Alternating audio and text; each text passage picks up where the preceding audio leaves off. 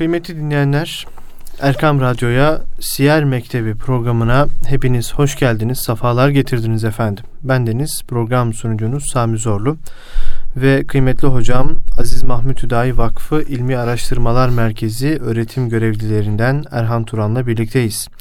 Peygamber Efendimiz sallallahu aleyhi ve sellemin hayatını Peygamber Efendimizin hayatından hayatımıza güzellikler taşımaya gayret ediyoruz.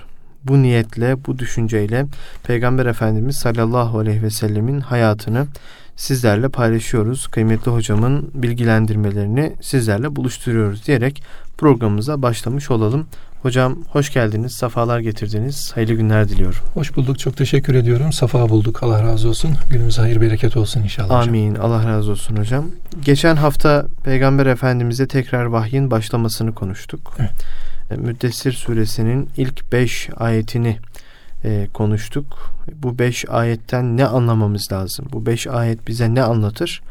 Bunları bahsettiniz ve e, ilk Müslümanlara e, yani Peygamber Efendimiz'e ilk iman eden e, kişiler kimlerdi? Onlardan biraz bahsettik. Tabi orada vurgu yapmıştınız. İlk iman eden Peygamber Efendimiz'in kendisiydi. Evet. Daha sonra Hazreti Hatice validemiz iman etti ve daha sonra ailesi e, ailesinden, kızlarından iman etmeye başlamışlardı. Evet. Burada belki kişilerden ziyade kimlerin iman etmesinden ziyade bir tebliğ metodu daha önemli değil mi hocam? Evet. Peygamber Efendimizin buradaki metodu nasıldı? Yaklaşımı nasıldı? Evet. Yani e, o kalplere nasıl girdi Peygamber evet. Efendimiz? Belki biraz daha bunu konuşmak lazım hocam. Bismillahirrahmanirrahim ve bihi nesta'in ve salatu ve selamu Resulüne Muhammed sallallahu aleyhi ve sellem. Şimdi Tabi biz geçtiğimiz haftaki derste Alak suresi ile Müddessir suresinin ilk beşer ayetlerini böyle birbirine yaklaştırarak anlatmaya çalıştık. Tabi bu Efendimiz Aleyhisselatü Vesselam vahiy aldıktan hemen sonra elini kolunu sallaya sallaya ya da böyle aşikara kendisini ortaya çıkararak haydin bakalım ben peygamber oldum deyip böyle bağırmaya çağırmaya ya da kendisini ilan etmeye başlamadı. Her şeyde bir usul var. Bu da tebliğin bir usulü. Efendimiz Aleyhisselatü Vesselam bulunduğu yer itibariyle tek başına. Her ne kadar Hatice validemiz iman etmiş de olsa tek başına. Yani yanında ikinci bir adam, ikinci bir şahsiyet bunu teyit edip tebliğe çıkacak kimse yok. Yani Müslüman uyanık olacak, ferasetli olacak. Tabi Peygamber Aleyhisselatü Vesselam'da peygamberlerde bunun adına fetanet diyoruz. Hı hı. Şimdi peygamberimizin e, kendi iman etmekliğinin yanı sıra burada bir gizli davet dönemi başlıyor bu üç yıl kadar devam edecek. Hı hı. Ta ki Cenab-ı Hak haydi aşikar olun çıkın diyene kadar. Burada da şunu görüyoruz hocam. Allah Resulü Aleyhisselatü Vesselam vahiy aldığı kadar vahyi tebliğde de ilahi bir kontrol altında. Yani burada da Resulullah Aleyhisselatü Vesselam bir heyecana kapılıp ya da galeyana gelip böyle coşup etrafa böyle zıplamıyor tabiri caizse. Etrafa böyle e, hareketlere başlamıyor. Ne yapıyor? Önce bir tabir yerindeyse nokta hareketi yapıyor. Hı hı. Yani bulunduğu yerden e, herkese değil e, layık olana tebliğ götürüyor sanki. Herkese açmıyor. Önce layık olanı açıyor. Herkese aç emri gelince Hazreti Peygamber artık aleni tebliğe başlamış olacak. Nereden görüyoruz bunu hocam? Bir, Hazreti Hatice validemiz tabi bunu başta söylemiştik. Hı hı. Sonra kızlarına, çocuklarına daha doğrusu. Çünkü e, daha önceki derste de konuşmuştuk. Diğer evlatları işte kimi üç aylıkken, kimi bir, bir buçuk yaşlarındayken, kimi iki yaşlarındayken vefat etmişlerdi. Ama hanım kızları vardı. Onlardan işte Hazreti Rukiye, Ümmü Gülsüm, Fatıma validelerimiz İslam'ı kabul eden hanımlardan oldular. Onlar da küçüktü. Yaşları 10'lu, 13'lü ya da 5'li, 6'lı yaşlardaydı. Küçüktü onlar. Ee, Hazreti Ali Efendimiz vardı. Yeğeniydi. O da 10 yaşındaydı. Burası önemli. Tabii biz geçtiğimiz derste bir halka benzetmesi yapmıştık. Suya damlatılan bir damlanın hı hı. etrafında oluşan halkanın, halenin o halkası, ilk halkası ailesiydi demiştik. Sonraki halkası işte bir yakın akraba. Bu da Hazreti Ali Efendimiz hı. sanki orada gibi. Aslında evin bir ferdi. Evin içerisinde Efendimiz Aleyhisselatü Vesselam'la baba oğul gibi birbirlerine yakınlar ama neticede o ikinci evladı değil yani neticede. ikinci halkada biraz daha kalıyor. Evet. Burada Hazreti Ali Efendimizin Efendimiz Aleyhisselatü Vesselam'dan kendisine bir zorlamasının, bir baskısının ya da kendisine bir icbariyetinin olmadığını görüyoruz.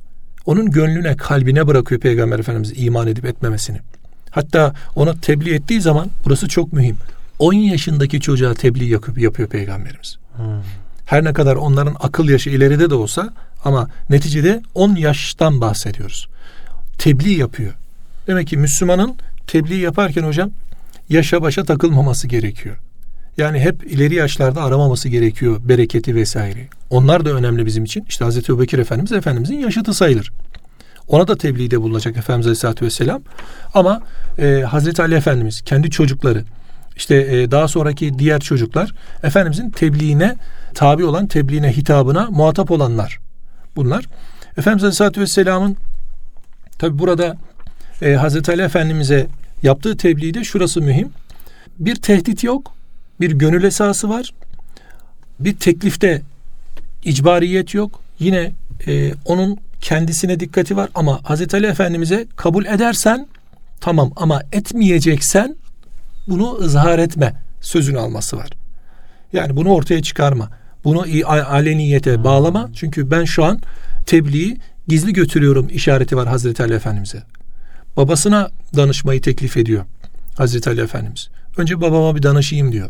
Daha sonrasında e, biliyoruz rivayetlerden babasından alacağı cevap olumsuz olsa ne karşılık verecek? Olumlu olsa ne karşılık verecek? Burada Hazreti Ali Efendimiz bir ikilemde kalıyor. Ardından da Hazreti Peygamber'e kendisi tefekküründe yani bana işte babam burada hani gelirken dünyaya gelirken sordu mu ben iman ederken sorayım mı algısı var sanki. Hı hı.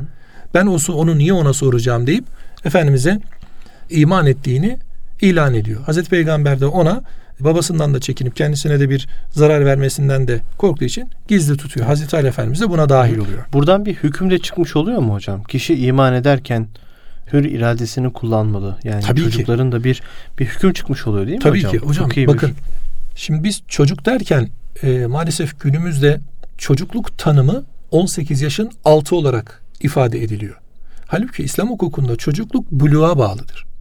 Buluğ çağına ermiş bir delikanlı, hı hı. buluğ çağına ermiş bir hanımefendi mesuliyet sahibidir. Yani burada e, biz bunu seneye bağlamıyoruz. Buluğa bağlıyoruz. O yüzden akıllı olması ve buluğa ermiş olması esası var. Akıl bali olmak demek bu demek. Yani bizdeki bir kimsenin mesuliyeti hem İslami mesuliyeti hem toplumsal sorumlulukları akıllı olması başta sonra da buluğa ermiş olmasını gerekli kılıyor. Yani buluğa ermemiş bir kimse çocuk hüviyetinde kalıyor. Bir diğeri de sorumluluk yaşı var. Bu da e, temiz dediğimiz iyiyi kötüden, doğruyu yanlıştan ayrılabilme yaşı. Şimdi çocuk akıllıdır, buluğa da ermiştir ama temyizi yoktur. Ne demek o? İyiyi kötüden ayırt edemiyordur. Yanlışı doğrudan ayırt edemiyordur. Biraz hani e, aklı hafif çalışıyordur. Bazen sefih hareket ediyordur. Haşa ahmakça belki davranıyordur. Kur'an-ı Kerim'de var ya ahmaklar, ahmak gibi o sefih olanlar, sefahet sahibi olanlara mallarını teslim etmeyin. Neden? Çünkü onlar malı nasıl harcayacağını bilmezler. Akıl var aslında. Akıl var ama eksik çalışıyor. Hı hı. Buradaki sorumluluk farklıdır. Bundan dolayı bir icbariyet, bir mecburiyet, illaki sen şu olacaksın demek akıl ve buluğa esastır. Tabi bu Müslüman olup olmamada. Şimdi bir insan Müslüman oldum diyorsa aklıyla, kendi iradesiyle ben İslam'ı kabul ettim, Müslüman oldum diyorsa o zaman sorumluluklar başlar hocam. Hani o la ikrahe fid din kısmı, dinde zorlama yoktur kısmı kişiyi kılıç zoruyla, silah zoruyla alnının çatısına silahı dayayarak İslam etme değil. Bu yoktur. Ama bir insan Müslüman olduysa o zaman sorumluluklar başlar. Sorumluluklarda icbariyet başlar. Mesela belli bir yaşa geldiğinde namaz kılması gerekir. İşte Efendimiz evet. Aleyhisselatü Vesselam 7 yaşında çocuklara namazı emretmemizi emrediyor. 10 yaşında bir alışkanlık haline gelmesi gerekiyor namazın. Yani çocuğun hayatında 10 yaşından sonra artık namaz olması gerekiyor. Oruç belli bir yaştan sonra artık tutulması gerekiyor çocuk tarafından. Mülkiyeti varsa çocuğun zenginliği varsa zekat, zekat vermesi gerekiyor. gerekiyor. Yani kurban vücubiyet iddiaz ettiyse kurban kesmesi gerekiyor. Yani bunlar İslam hukukunun temel konuları içerisinde nokta nokta inceleniyor hocam. Biz şöyle bir algıya oturuyoruz. Sanki dinde zorlama yoktur denilince insanlar zannediyor ki ben Müslüman oldum diyeceğim ama kimse beni hiçbir şeye zorlamayacak. Zorlayacak hocam. Zekatını mecbursun vermeye. Evet. Hazreti Ebubekir Efendimiz savaşmadı mı zekat vermeyenlerle, zekata karşı çıkanlarla? Savaştı. Demek ki kişinin İslam'ı yaşamasında ne diyelim otorite tarafından bunu tabi bireyler şahıs olarak kendisinde bir vücubiyet iddiaz edip yani şunu demek istiyorum. Yani Erhan Hoca kalkıp da işte Sami'nin zekat vermesi gerekirken onun boynuna çöküp ver kardeşim zekatını deyip zorlama hakkı yok. Bunu kim yapar? Bunu yönetici yönetim yapar. Evet. Bunu devlet yapar. Bunu otorite yapar. Hı hı. Ne yapar? Onu takip eder. Sen zekatını verdin mi der. Zekatını vermediyse onun zekatını ondan alır hocam. Çünkü o zekat onun malı değil artık çünkü. Hak sahiplerine ulaştırılacak olan bir borçtur o. O verilecektir. Bir haktır verilecektir. Hı hı. Burada zorlama elbette olacaktır hocam. Dine girişte zorlama yok. Ha, ama dine, girdikten sonra. Aynen hocam. Dine girerken kimseyi zorlama yok. Ama bu hı. dine girecek olan işte akıl orada devreye giriyor. Müslüman evet. olacak bir şahsiyet bunları bilerek Müslüman oluyor. Evet. Yani namaz kılacağını bilerek Müslüman oluyor. Ya ben tüh içki içeceğimi bilmiyordum, içi yasak olduğunu bilmiyordum. Nereden çıktı ya bu yasak demeyecek yani. O yüzden tebliğ yapacak olan, şahsa düşecek olan temel mesele dinin ana unsurlarını insana böyle gerektiği gibi anlatma, tebliğ etme hadisesi. O kişi onu severek, bilerek, kabul ederek gelecek. Evet. Müslümanca bir hayatın ne olduğunu bilerek gelecek. Yani e, dıştan görüldüğünde Müslüman gibi ama içeriden yaşadığı hayat gayrimüslim gibi ise hocam o zaten bir şey değiştirmiyor yani. Evet. Müslüman ya da gayrimüslim fark etmiyor. Bir sorumluluk getiriyor. O sorumluluk yoksa o zaman niçin tebliğ var, niçin İslam var, niçin Müslümanlık var? Diğerinden farkımız yoksa hocam. Eyvallah. bir tesettür var. Bu tesettür Allah'ın emri. Erkekte kadın da emir olunan hale göre o tesettürü, hicabı kabul edecek. Bunu bir önce ibadet Allah'ın emri olduğu için yapacak. Bir alışkanlık değil ya da bir ne bileyim e, bir kültürün getirisi olarak değil. Bunu önce Allah'ın emri olduğu için bir ibadet hüviyetinde düşünerek yapacak. Ardından onun kendi kültürünce Allah'ın ayetlerine, peygamberin tekliflerine uyar bir şekilde İslam nasıl istiyorsa o şekilde kendi tesettürünü e, götürecek yapacak. Yani modaya değil, İslam'a uyacak. Evet. Şimdi günümüzde ibadetler de böyle oldu. Yani sanki takke takınca her şey bitiyormuş gibi. Sakal bırakınca her şey bitiyormuş gibi. Namazı seccadeyle kılınca sanki her şey bitiyormuş gibi bir algı oluşturulmaya başlandı. Halbuki öyle değil. Bu bir mesuliyet. O mesuliyetin en güzel halde yerine getirilmesi Müslüman olanın üzerine bir farziyet ifade ediyor. Bir vücubiyet ifade ediyor. O yüzden Hazreti Peygamber aleyhissalatü vesselam tercih ediyor ilk etapta. Farkındaysan Mekke döneminde henüz emirler, yasaklar yok. Allah evet. Resulü Aleyhisselatü Vesselam namaz kılmayı Cebrail Aleyhisselam'dan öğreniyor abdest almayı ama namaz kılacaksınız demiyor etrafında. Namaz kılacaksınız demiyor. Namaz emri yok. Evet. E neyi tebliğ ediyor Efendimiz Aleyhisselatü Vesselam? La ilahe illallah Muhammed, Muhammed Resulullah. Resulullah. Bu kadar hocam. Eyvallah. Putlardan uzak duracaksınız. Allah'tan başka ilah olmadığına iman edeceksiniz. Bu kadar. Hı hı. Yani o zamanın Mekke döneminin mesuliyet algısı bu. Ne zamana kadar? Miraca kadar. Miraç hicretten bir, bir buçuk yıl önce Allah Resulü'nün e, yaşadığı bir hadise. Orada namaz emri var. Yani demek ki Mekke e, döneminin 13 yıl düşünürsek hocam 11 buçuk yılı, 11 yılı, 11 buçuk yılı hiçbir emirle muhatap değil Müslümanlar. Tek emir bu. Ve ahirete iman hocam. Ahirete iman.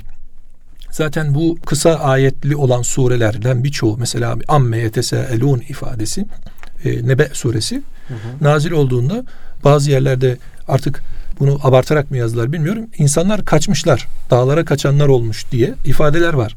Nedir hocam o? Amme yetesaelun. Yani sana soruyorlar anin nebe'il azim. Hangisi hocam? O nebe'ül azim. Büyük haber. Hı hı. O büyük haberden kasıt ne hocam? Ahiret, kıyamet. Birçok müşrik bu ayetten sonra hayatı karardı tabiri caizse. Çünkü yaşayıp ölecekti. Öldükten sonra hiçbir şey yoktu. Ama şimdi düşünün hocam öleceksiniz ve öldükten sonra sorumluluk var. Hesap var, mizan var, cennet var, cehennem var, hak var, hukuk var, din var, diyanet var. Bir giriyorsunuz işin içerisine aslında dünya ahirete bir köprü olmuş vaziyette. Önceden evet. dünya esastı, şimdi alet oldu. Alet olunca insanlar tabir yerindeyse bunu şeyde konuşacağız. Açık tebliğde konuşacağız. Ee, insanlar bir hayal kırıklığı yaşamaya başladılar. Çünkü dünya o değildi. Dünya başka türlü bir hal almaya başladı. İşte Efendimiz Aleyhisselatü Vesselam bunları da bilerek, karşılaşacaklarını bilerek tabilerinde ise nokta atışları yapıyor. Evet. Ve herkese tebliğ götürmüyor, götüreceklerine götürüyor. En yakınında olanlardan başlıyor. hanımı, çocukları, yeğeni ardından kendisine evlatlık olarak verilmiş olan kölesi Zeyd bin Harise ve sonrasında can dostu arkadaşı Hazreti Ebubekir Efendimiz iman edenler sırasına girmiş oluyor. Bu hal çünkü çocukluğundan beri dostuydu Efendimizin. Birçok halini biliyordu ve e, Hazreti Ebubekir Efendimizin ayrı bir e, şeyi vardı. Böyle bir iman algısı vardı. Yani o müşrik olanlar içerisinde farklı bir insan. Müşrik değildi zaten. Şirkete düşmüş bir insan değildi. Farklı bir insandı. E, hiç çekinmeden de İslam olduğunu açıklayanlardan birisidir Hazreti Ebubekir Efendimiz. Burada Efendimiz Aleyhisselatü Vesselam'ın e, Hazreti Ebubekir Efendimiz'e yaptığı davetle karşımıza şu çıkıyor. Yani bir tebliğ yaparken, dinin tebliği yapılırken ya da herhangi bir fikir savunulurken bu belki siyasi hı hı. partiler için de geçerli, bir devlet için de geçerli, bir şirket için de geçerli. Önce hakim bir fikrin olması gerekiyor.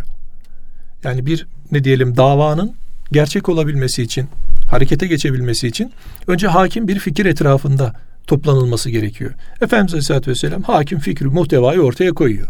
La ilahe illallah Muhammed Resulullah. Vaka bu. Hı hı.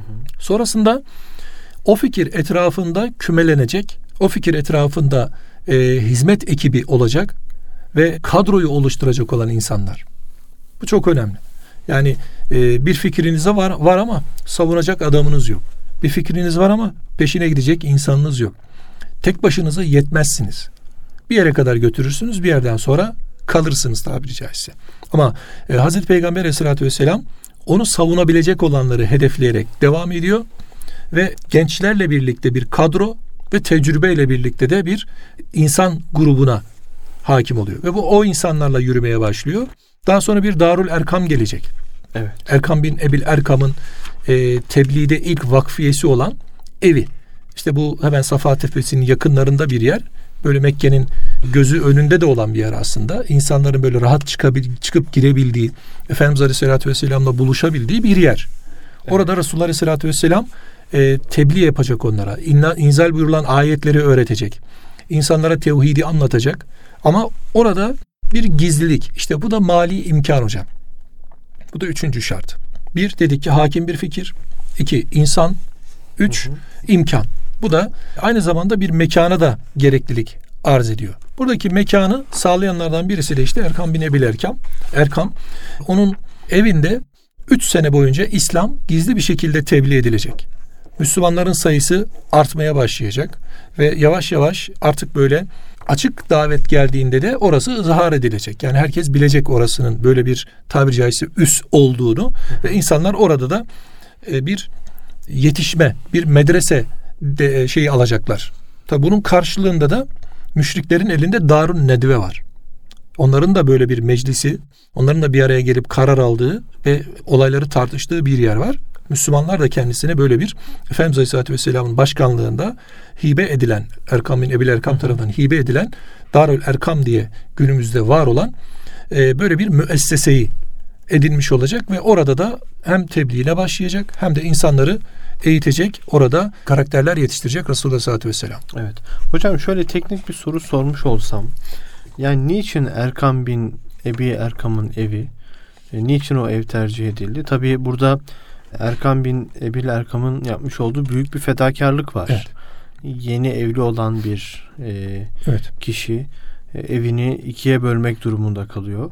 E, evinin bir bölümü sürekli tebliğde kullanılan bir bölüm haline gelmiş oluyor ama e, evinin konumu itibarıyla yanlış hatırlamıyorsam bir e, özelliği de var. Bir stratejik konumu var. Hocam, mesele orada hocam. Hı hı. Yani buradaki evin tercih edilme sebebi Birincisi tabi e, Müslümanlar henüz daha sayı olarak az oldukları için hı hı. içlerinde öyle bir dikkat çekmeyecek. Burası çok önemli. Gizli tebliğ yapıyoruz ve dikkati çekmememiz gerekiyor. Şimdi takipler var. Kureyş'ten çekiniliyor. Hı. Kureyş müşrikleri olayın biraz tabiri caizse uyanmış farkına varmaya başlamış. Yani bir hareketlilik bir şeyler var ama ne olduğunu çözemiyorlar. Şöyle zannedildiği gibi dağların tepesinin bir kenarında böyle arkada kuytuda böyle kimsenin görmediği bir yerde değil. İnsanların kapısını gördüğü, bildiği ve biraz da işlek bir yerde. Hı hı. Sebebi insanlar girer çıkarken sanki çarşıya pazara gidiyormuş gibi girip çıkıyor fark etmiyorlar. Hı. Gizliliği böyle de sağlıyor Resulullah Aleyhisselatü Vesselam. O dönemde uygun olan ev orası gizlilik açısından, tebliğ sağlama açısından ve müşriklerin kendilerine vereceği zararı da düşünerek orada Kur'an-ı Kerim öğretiliyor ve insanlara beraberce ibadet yapılıyor, tefekkür yapılıyor. Efendimizin kıldığı namaz, namaz orada tatbik ediliyor. Böyle bir hareket var orada. Neden? O ev dikkat çekmeyecek. Burası çok önemli. Yani Müslüman bir iş yaparken yeni başlıyorsa bu aslında ilk e, tebliğe başlanılan yerlerde mühim bir strateji. Ne yapacaksınız? Dikkat çekmeyecek, etraf tarafından insanların sizin üzerinizde dikkatlerini yoğunlaştırmayacağı bir yer tespit edeceksiniz. Sonra insanları oraya nöbetleşe belki de davet edeceksiniz, göndereceksiniz ve ardından da orada tebliğe devam edeceksiniz. Ve bu epey bir dönem orada devam etti. Epeyce bir e, yanlış hatırlamıyorsam nübüvvetin 6. yılına kadar hı hı. burada e, devam etti. Erkam bin Ebil Erkam da orayı vakfetti. İslam'ın ilk vakfiyesi hüviyetinde diyebiliriz burayı. E, satılamaz ve tevarüs olunamaz diye oraya da bir e, vakfiye yazdırdı. Ne demek bu? Bu evi ben vakfettim. Hı hı. Allah Resulü burada e, tebliğini e, bila ücre yani ücretsiz bir şekilde kimseye kira ödemeden bir hibe vesaire olmadan ben onu vakfettim. Bu vakıf Allah'a aittir. O yüzden kimseden kimseye beyaten yani satışla satılmayacaktır ve miras olarak da bırakılmayacaktır. Ben öldükten sonra bu e, vakfiye artık Hazreti Peygamber'in ve Müslümanların hizmetinde devam edecektir diye. Bu e, günümüzde de gerektiğinde aslında bir davanın gizliliğinin esasını ortaya koyuyor. Efendimiz Aleyhisselatü Vesselam işlerinizde gizliliklerden istifade edin buyuruyor. Yani bu günümüzde de aslında bize bir işaret. Şimdi biz bazen heyecana gelip her şeyimizi ilan ediyoruz. Abi şöyle yapıyorum, şöyle ediyorum falan diye. Tabii bir nazar dediğimiz hadise var her şeyin önünde. Bir de haset olma var. Yani insanların kalp taşıdığını bilmek lazım. İnsanların kalbi de e, Arapça kalp e, kalebe çevrilmek, evrilmek manası taşıyor. Hı hı. Ne tarafa ne zaman evrileceği bilinmez. Bazen ulvi, bazen süfliye evrilebilir. Yani bazen yarara, bazen zarara dönebilir. Onun için burada davayı dava olarak kabul ederken ya da bir işte gizliliği esas tutmak çok önemli, ehemmiyet kazanıyor. Bir diğeri de e, eğitim ve öğretime dikkat çekiyoruz burada aslında. Efendimiz Aleyhisselatü Vesselam tamam insanlar Müslüman oldular. İşte sayıları belki 20'leri 30'ları buldu. Ama onlara tamam İslam oldunuz, Müslüman oldunuz. Hadi bakalım şimdi ne yaparsanız yapın değil. Onların eğitim ve öğretim yani gelişmesi, yetişmesi için e, bir terbiye gayesi gidiyor burada. Hı hı. Bir de e, içtimai anlamda hem dini hem siyasi e, onları yetiştirmek için bir zaruret ittihaz ediyor Peygamberimiz Aleyhisselatü Vesselam. Yani bir insan Müslüman oldu. Müslüman olduktan sonra hani e, bırak ne varsa yapsın değil. Ondan mesul olma ondan sorumlu olma, onu takip etme, onun toplum içerisinde faydalı bir fert olarak hareket halinde olması, onun dini olarak da siyasi olarak da ne yapabileceğini takip etme ve ne yapması gerektiğini ona e, deklare etme ya da onu e, öğretme anlamında bir eğitim müessesesi. Sadece e, işte hadi bakalım Elif'ten başlıyoruz, işte Y'den çıkıyoruz, Arapça öğreniyoruz, işte Nasara, Yensuru böyle değil. Efendimiz Aleyhisselatü Vesselam bir şahsı toplum içerisinde hem dini hem e, dünyevi faydalı hale getirme. Onu ahlaklı hale getirme ve onu insanların hem davanın tebliği anlamında hem de insanların kendisinden emin olması anlamında faydalı kılma adına bir e, terbiye müessesesi olarak tutuyor. Evet. İşte bu müesseselerin hocam sayılarının artırılması gerekiyor.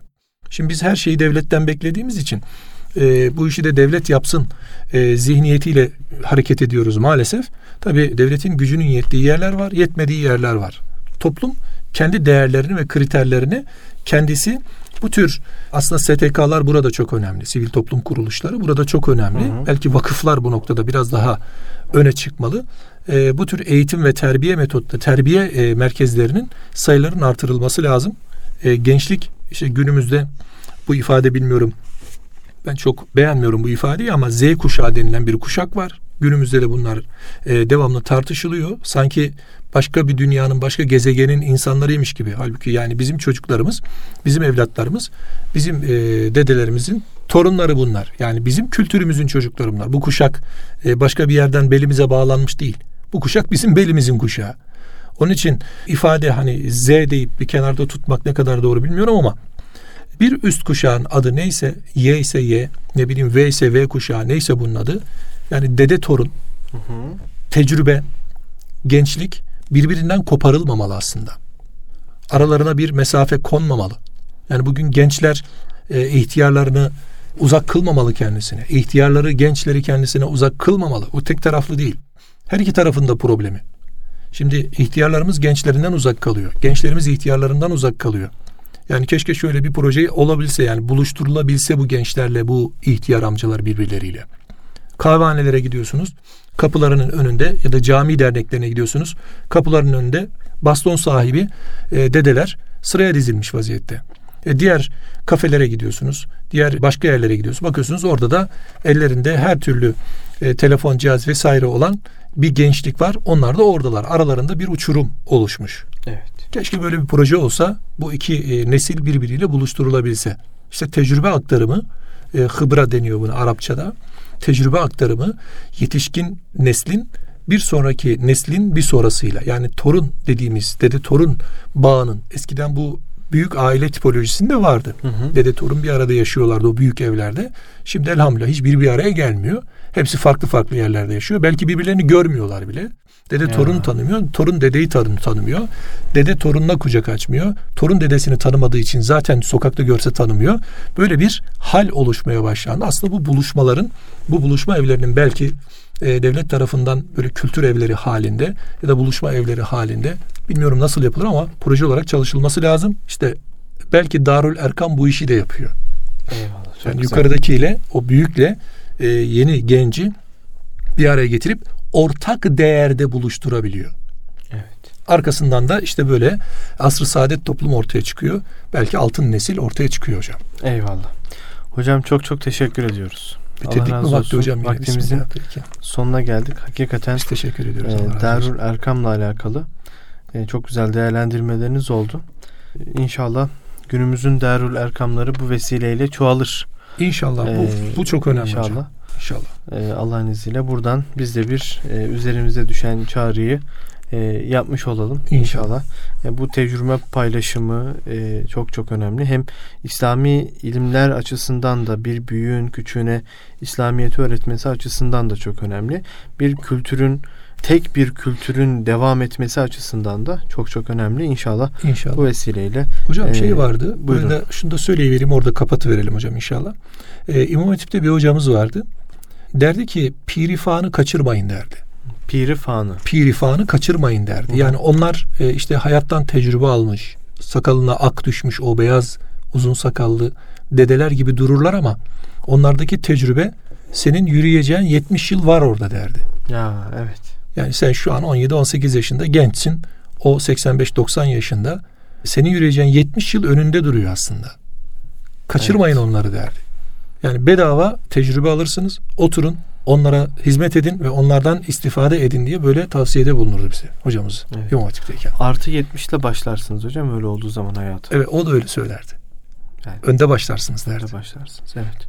İnşallah hocam bunu gündemimizde tutmaya devam edelim inşallah. İnşallah. Bu vesileyle de e, bir gündem oluşturmuş Olalım. e, olalım inşallah. Çok çok teşekkür ediyoruz. Biz teşekkür ediyoruz. hocam. Allah Kıymetli dinleyenler Erkam Radyo'da kıymetli hocam Erhan Turan'la birlikte Siyer Mektebi programında bu hafta Peygamber Efendimiz sallallahu aleyhi ve sellemin tebliğini konuştuk. Tebliğ metotlarını konuştuk.